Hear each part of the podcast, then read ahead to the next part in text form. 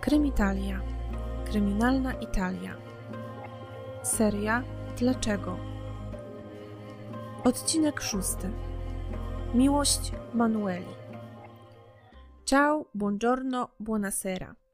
Dziś przed Wami opowieść o kolejnej kobiecie, która niestety napotkała swój koniec tam, gdzie zupełnie się tego nie spodziewała. Znajdujemy się w miejscowości Nave, prowincja Brescia, region Lombardia. Mieszka tu około 10 tysięcy ludzi, a w 2018 roku między innymi 35-letnia Manuela Bailo. Kobieta po studiach ekonomicznych zatrudnia się w Centrum Doradztwa Podatkowego, które ma swoje siedziby w całych Włoszech. Manuela jest cenioną pracownicą, zawsze miła, sympatyczna, uśmiechnięta, poważnie podchodzi do swoich obowiązków. Mieszka ze swoim ex-chłopakiem, z którym od jakiegoś czasu nie są już razem, ale nadal mieszkają pod jednym dachem, ponieważ łączy ich po pierwsze umowa wynajmu mieszkania i żadne z nich nie chce stracić pieniędzy, a po drugie pozostają w dobrych relacjach i zupełnie im taki układ nie przeszkadza. Manuela ma duże grono przyjaciół i bardzo piękny uśmiech. Jest drobną blondynką o zielonych oczach, jest też bardzo związana ze swoją rodziną. W niedzielę po południu, 28 lipca 2018 roku, Manuela wychodzi z domu i wsiada do swojego auta, szarego Opla Corsy. Bliskich informuje, że zamierza spędzić weekend nad jeziorem Garda i że nie będzie jej w domu przez dwa dni. Dwa dni jednak mijają i od 30 lipca telefon Manueli pozostaje wyłączony i nie można się z nią w żaden sposób skontaktować. W kilku wiadomościach, które wysłała między innymi do swojej mamy i eks-chłopaka w przeciągu tych dwóch dni, pisze między innymi, że jest u swojej przyjaciółki Franceski, tak naprawdę jedynej osoby na całym świecie, która ją rozumie. Tak pisze w tych, w tych SMS-ach. Y, ta Franceska, ta przyjaciółka, nie potwierdza jednak tej informacji. Twierdzi, że Manueli u niej nie było w ostatnim czasie. Manuela pisze też do swojego byłego chłopaka, że po tym weekendzie w poniedziałek rano pojedzie prosto do pracy.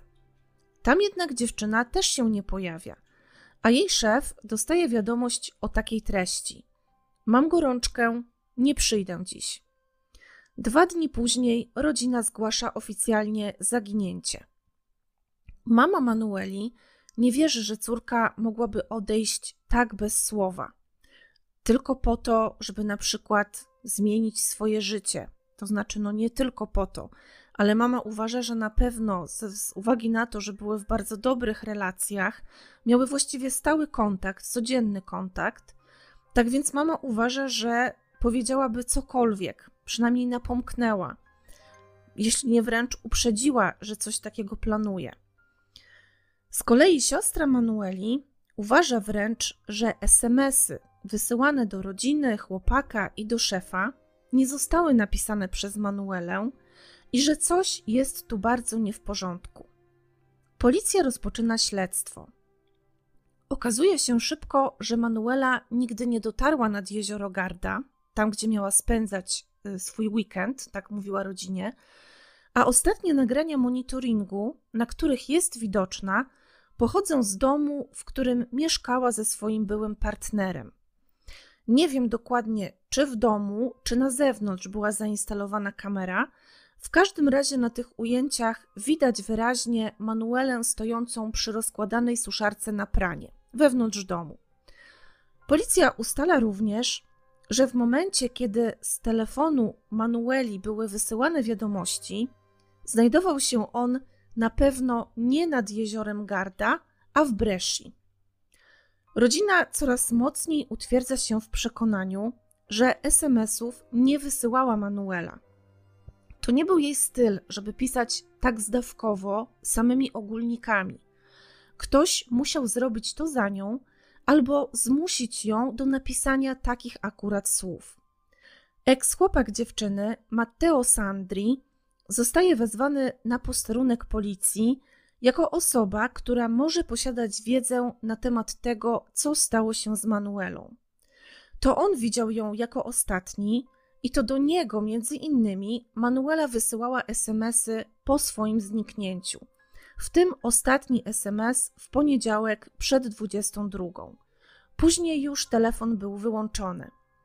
Matteo, który pracuje jako sprzedawca w sklepie z elektroniką w centrum handlowym, opowiada, że jego relacja z Manuelą zakończyła się około dwóch lat wcześniej, czyli w 2016 roku.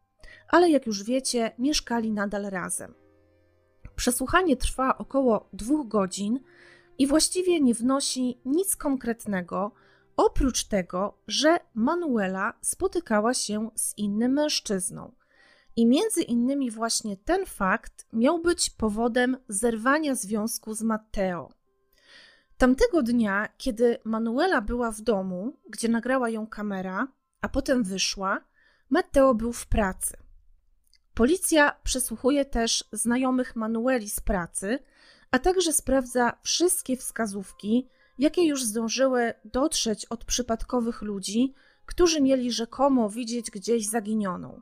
Ktoś spotkał ją w Taranto, ktoś inny w Bresci, jednak są to fałszywe tropy. Manuela niestety jakby rozpłynęła się w powietrzu. Policja dociera do nagrania z kamer monitoringu, na którym widać Opla Corsę Manueli na jednej z ulic w Bresci w sobotę po południu, czyli w dzień zaginięcia. Rodzina kobiety wystosowuje gorący apel do wszystkich, którzy mogli cokolwiek widzieć, żeby zgłaszali się na policję z każdym, nawet najmniejszym szczegółem, bo wszystko w kontekście sytuacji całej może okazać się ważne. Wróćmy teraz jednak do mężczyzny, z którym, jak zeznał Matteo, Manuela się od dawna już spotykała. To Fabrizio Pazini, 48-letni pracownik tej samej firmy, w której pracowała dziewczyna, a także znany w okolicach działacz związkowy. Mężczyzna jest żonaty i ma dwoje dzieci. Uchodzi za bardzo życzliwego, zawsze chętnego do pomocy człowieka, ma spokojny, łagodny i ugodowy charakter, tak postrzegają go znajomi i bliscy, ale z kolei z drugiej strony część osób, które gdzieś tam w jego życiu się przewinęły, uważa go jednak za nieco gburowatego i odpychającego. Mama Manueli nie wiedziała absolutnie nic o sekretnej relacji córki, mimo że pracowała razem z nią i z jej kochankiem w tej samej firmie. Fabrizio ma różne zainteresowania, ale przede wszystkim jest pasjonatem airsoftu. Jest to taka gra zespołowa wykorzystująca pneumatyczne, elektryczne, gazowe i sprężynowe repliki broni palnej strzelające plastikowymi kulkami. Celem tej gry jest właśnie trafienie przeciwnika taką plastikową kulką.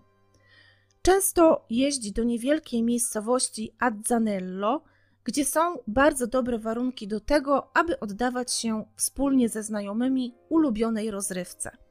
Natomiast wraz ze swoją rodziną mieszka na co dzień w Ospitaletto.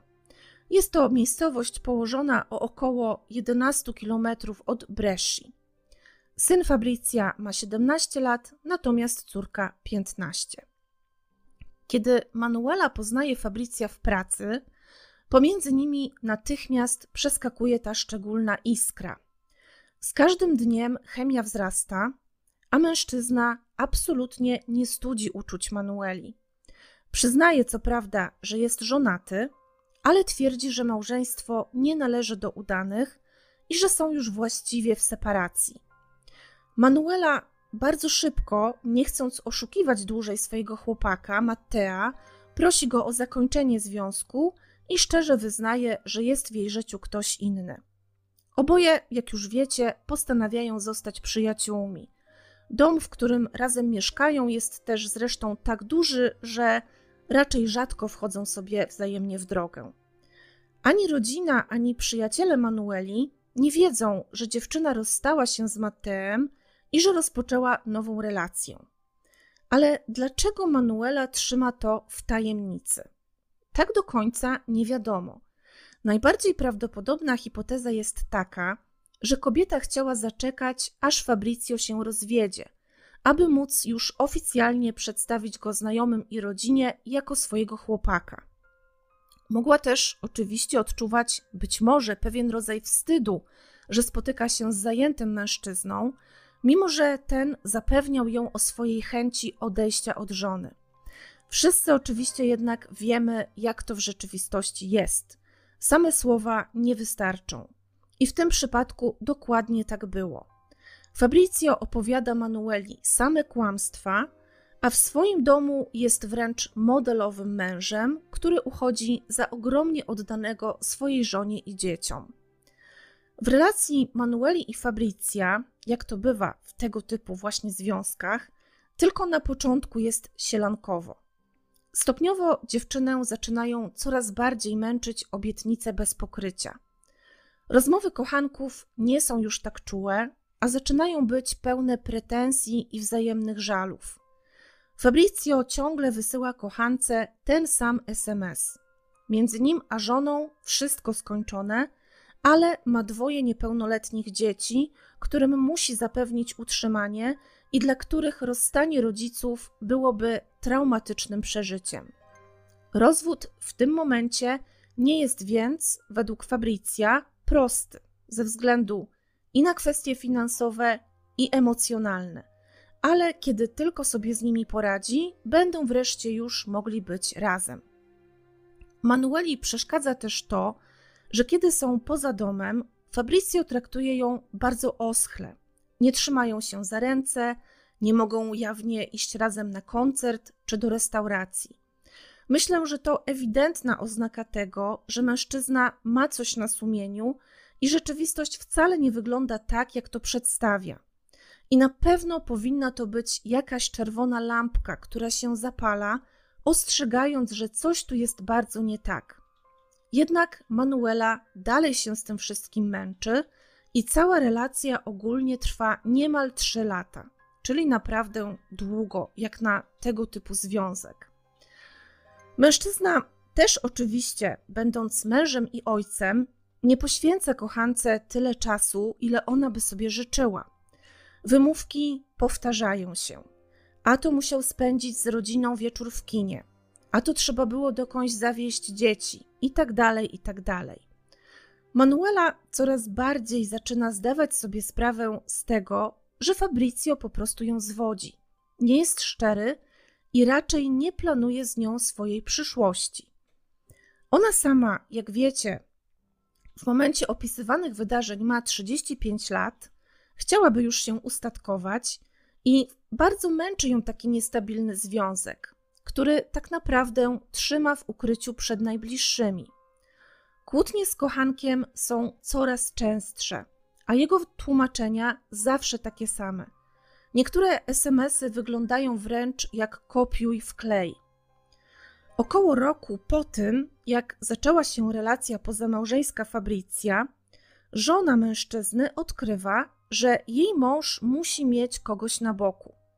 Nie wie, kim jest ta kobieta, ale zaczyna drążyć. W domu zaczyna dochodzić coraz częściej do awantur. Do tej pory para praktycznie nigdy się nie kłóciła.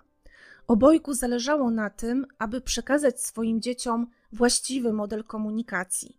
Ale jednak, wiadomo, oczywiście czasami emocje biorą górę, zwłaszcza w takiej sytuacji, kiedy żona odkrywa romans męża.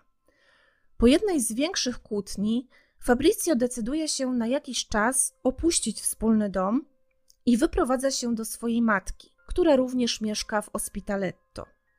Wyprowadzka ta nie trwa jednak długo, bo raptem około 10 dni. Mężczyzna nie ma zamiaru porzucać dotychczasowego życia, swojej żony i dzieci, ale nie ma również zamiaru kończyć z Manuelą. Mówi kochance, że z żoną to już definitywny koniec i że przeprowadził się do matki.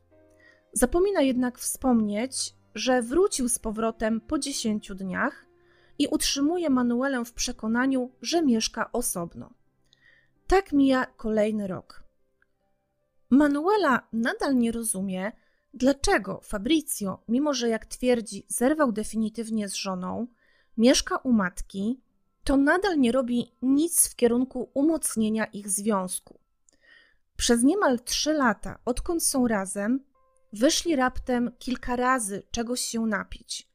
Uczestniczą oczywiście w jakichś tam niezobowiązujących spotkaniach firmowych razem z innymi pracownikami, ale wtedy za każdym razem udają, że poza wspólnym miejscem pracy nic ich nie łączy. Kiedy wychodzą gdzieś razem, za każdym razem muszą rozglądać się naokoło, czy przypadkiem nie zostali nakryci przez kogoś znajomego. Manuela oczywiście ma takie myśli, że powinna zostawić Fabrycja, ale cały czas jest w nim zakochana, albo takiej się wydaje. Po niemal trzech latach takiej szarpaniny z pewnością wie już, że mężczyzna zwodzi ją i opowiada kłamstwa na każdym kroku. Wie, że nie może mieć do niego zaufania. Jest już 2018 rok i kobieta postanawia postawić wreszcie kochankowi ultimatum. Uważa, że musi on dokonać ostatecznego wyboru albo ona, albo żona. Fabrizio oczywiście nie reaguje na to dobrze. Używa tych samych słów co zawsze. Weźmie rozwód z żoną, nic go z nią nie łączy, potrzebuje tylko jeszcze trochę czasu. Na początku lipca 2018 roku Manuela decyduje się na pewien bardzo poważny krok. Zdobywa numer Ilarii, żony Fabrycja, i postanawia sama do niej zadzwonić. Chce wszystko jej opowiedzieć w nadziei, że to ruszy sprawę do przodu i pomoże jej przestać żyć w ciągłym zawieszeniu. Numer jednak nie odpowiada, wydaje się, że jest nieaktywny. Manuela spotyka się z Fabrycjem u siebie w domu. Grozi mu wtedy, że ma numer do jego żony, że wszystko jej opowie, jeśli on wreszcie sam nie podejmie jakiejś decyzji. Fabrizio próbuje ją jakoś udobruchać, obiecuje wspólny weekend, obiecuje, że zostanie u niej na noc, czego nigdy wcześniej nie robił, i na nowo przyrzeka, że definitywnie zostawi swoją żonę. Rozmowa przeradza się w kłótnię, którą zresztą również nagrywa kamera. Jak się okazuje, Matteo, były chłopak i współlokator Manueli, bardzo interesował się różnymi technologiami i między innymi dlatego postanowili założyć w domu monitoring. Ujęcia z tej kłótni będziecie mogli zobaczyć pod linkami w opisie filmu. Manuela się waha. Czuje, że kochanek znowu karmi ją samymi kłamstwami, ale z drugiej strony jakaś część jej bardzo chce mu wierzyć, bo go dalej kocha. Fabrizio tymczasem nie zamierza dopuścić do tego, aby jego dwa życia, które od jakiegoś czasu prowadzi, skrzyżowały się. Nie chce, żeby jego żona dowiedziała się o Manueli. Nie wiem, na jakiej zasadzie to wszystko działa w skrzywionym umyśle, ale wydaje mi się, że normalny człowiek rozważyłby następujące opcje. Albo mówię sam prawdę żonie, licząc na to, że mi wybaczy, jeśli się przyznam i obiecam, że zrywam z tą drugą albo mówię tej drugiej, że niestety nie jestem w stanie zostawić rodziny, licząc na to, że dziewczyna nie powie o wszystkim mojej żonie. Umysł Fabrycja wpada jednak na inne rozwiązanie, a mianowicie takie, że jednego z problemów trzeba się po prostu pozbyć. Jest początek lipca 2018 roku. Matka Fabrycja zabrała swoje wnuki, czyli jego dzieci, i wyjechała na wakacje na Sardynię. Fabrizio i jego żona Ilaria mają do nich wkrótce dołączyć. 27 lipca Fabrizio i Manuela spędzają wieczór razem. Jedzą wspólnie kolację w restauracji, a kobieta liczy również na wspólnie spędzoną noc. Fabrizio jednak odmawia – mówiąc, że następnego dnia musi wstać bardzo wcześnie, żeby odwieźć swoją matkę na lotnisko, co jest oczywiście nieprawdą, bo kobieta jest już wtedy na Sardynii.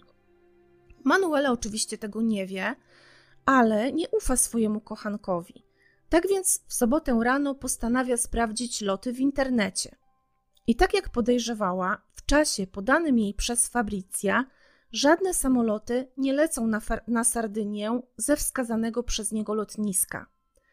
Manuela pisze do Fabricja wiadomość. Nie ma dziś rano żadnych lotów. Nie mogę przestać płakać. Czy ty naprawdę nie chcesz ze mną zamieszkać? Widać, że dziewczyna jest zaślepiona tym uczuciem, żeby nie powiedzieć wręcz zdesperowana. No i po raz kolejny, ciężko już pewnie byłoby zliczyć, który, Fabrizio wciska jej czułe słówka, zupełnie bez pokrycia, na które jednak Manuela po raz kolejny się nabiera. Fabrizio obiecuje, że weekend spędzą razem. To właśnie wtedy, po południu 28 lipca, kamera nagrywa kobietę krzątającą się po domu. Manuela pakuje torbę, zabiera potrzebne rzeczy i wreszcie wychodzi. W tym czasie Ilaria, żona Fabrycja, spędza wieczór w restauracji. Kolację dla przyjaciół, z którymi gra w rugby, zorganizował zresztą sam Fabrizio, ale jeszcze nie pojawił się na miejscu. Ilaria zaczyna do niego dzwonić, a jej mąż wymyśla kolejne kłamstwo. Mówi, że jest w domu jednego z przyjaciół, który ma nie najlepszy nastrój i że wkrótce dołączy do żony i do znajomych na kolacji. Traf jednak chce, że Manuela i Fabrizio zasypiają razem w domu jego matki. Mężczyzna budzi się nagle w środku nocy i uświadamia sobie, że żona zdążyła go już zasypać gradem telefonów. Udaje więc przed kochanką, że po ciemku się potknął i przewrócił, że odczuwa silny ból i musi natychmiast jechać na pogotowie. Manuela oczywiście zawozi go tam i czeka przed budynkiem w samochodzie.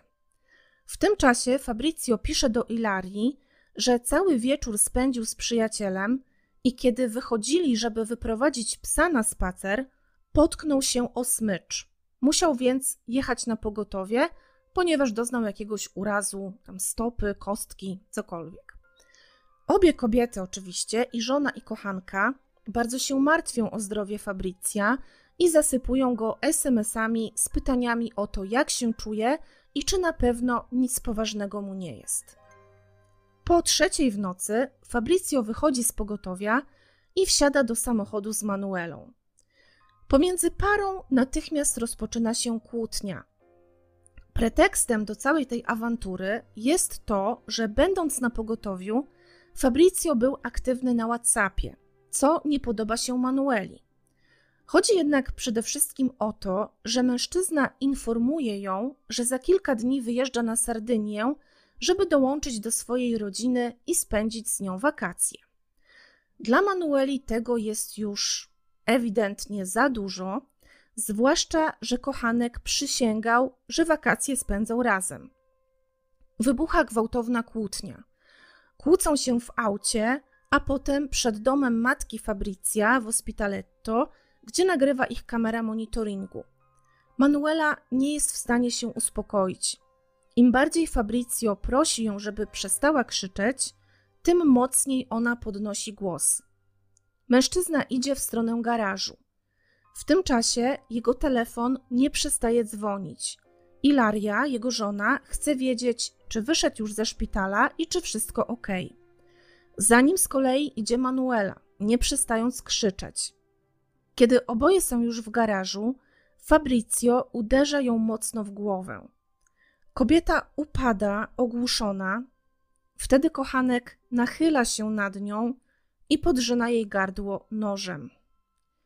Wkłada ciało Manueli do worka na śmieci i zostawia w garażu. Zabiera też jej telefon. Około szóstej rano idzie do swojego domu, gdzie czeka zaniepokojona żona. Opowiada jej ponownie, że cały poprzedni wieczór i noc spędził z przyjacielem, który jest w ciężkiej depresji, no a potem był na pogotowiu z powodu potknięcia się o psią smycz. Całą niedzielę 30 lipca Fabrizio spędza w domu. Stara się zachować pozory normalności. Robi sobie na przykład kilka selfie z żoną, które następnie wysyła do dzieci na Sardynię. Z telefonu Manueli z kolei wysyła SMSy do jej znajomych i rodziny. Pamiętacie, co w nich było, a także to, że bliskim Manueli wydały się one dziwne, tak jakby pisał je ktoś inny, nie Manuela. Jej wiadomości były zazwyczaj długie, a nie tak ogólnikowe i zimne, i zawierały sporo emotikonów. Poza tym, w kilku wiadomościach jest informacja o tym, że Manuela jest chora. I to też jest niespotykane, ponieważ ilekroć dziewczyna chorowała i gorzej się czuła, za każdym razem dzwoniła do swoich przyjaciółek albo do mamy, żeby tak zwyczajnie pogadać przez telefon, a nie tylko pisała wiadomości. Do Fabrycja dość szybko dzwoni wspomniana wcześniej przeze mnie Francesca, najbliższa przyjaciółka Manueli. Była ona jedną z nielicznych osób, które wiedziały o ich romansie. Kobieta tłumaczy, że nie chce wtrącać się w ich prywatne sprawy, ale bardzo się martwi, ponieważ nie ma kontaktu z Manuelą. Fabrizio odpowiada, że ostatnio widział się z nią w piątek na wspólnej kolacji i że od tamtego czasu również się z nim nie kontaktowała. Francesca kontaktuje się z kolejną przyjaciółką, Christiną, i obie dochodzą do wniosku, że coś tu jest bardzo nie tak. Manuela nigdy nie zrywała kontaktu. To zupełnie niemożliwe, żeby gdzieś wyjechała albo była tak chora, aby nie móc odebrać telefonu. Również 30 lipca, jeszcze tego samego dnia, Fabrizio ubiera się w strój, którego używa grając w airsoft. Pakuje ciało Manueli do bagażnika samochodu i jedzie do Azzanello. Być może pamiętacie, że jest to miejscowość, w której często grywał swoją ulubioną grę. Zawozi ciało do opuszczonego domu na farmie i wrzuca je do studzienki kanalizacyjnej. Wyłącza telefon kochanki i również go tam wrzuca. Jest wieczór 30 lipca 2018 roku. W kolejnych dniach Fabrizio wraca jeszcze kilka razy na to miejsce. Być może po to, aby upewnić się, że wszystkie ślady zostały zatarte. W czwartek ma wyjechać z żoną na Sardynię, aby dołączyć do swojej matki i dzieci. Tuż po zgłoszeniu zaginięcia Manueli, karabinierzy rozpoczynają poszukiwania. Od razu wydaje się jasne, że nie chodzi tutaj o ucieczkę. Kobieta była otwarta, towarzyska, związana z przyjaciółmi i rodziną, miała swoje przyzwyczajenia i według wszystkich nigdy nie odeszłaby bez słowa.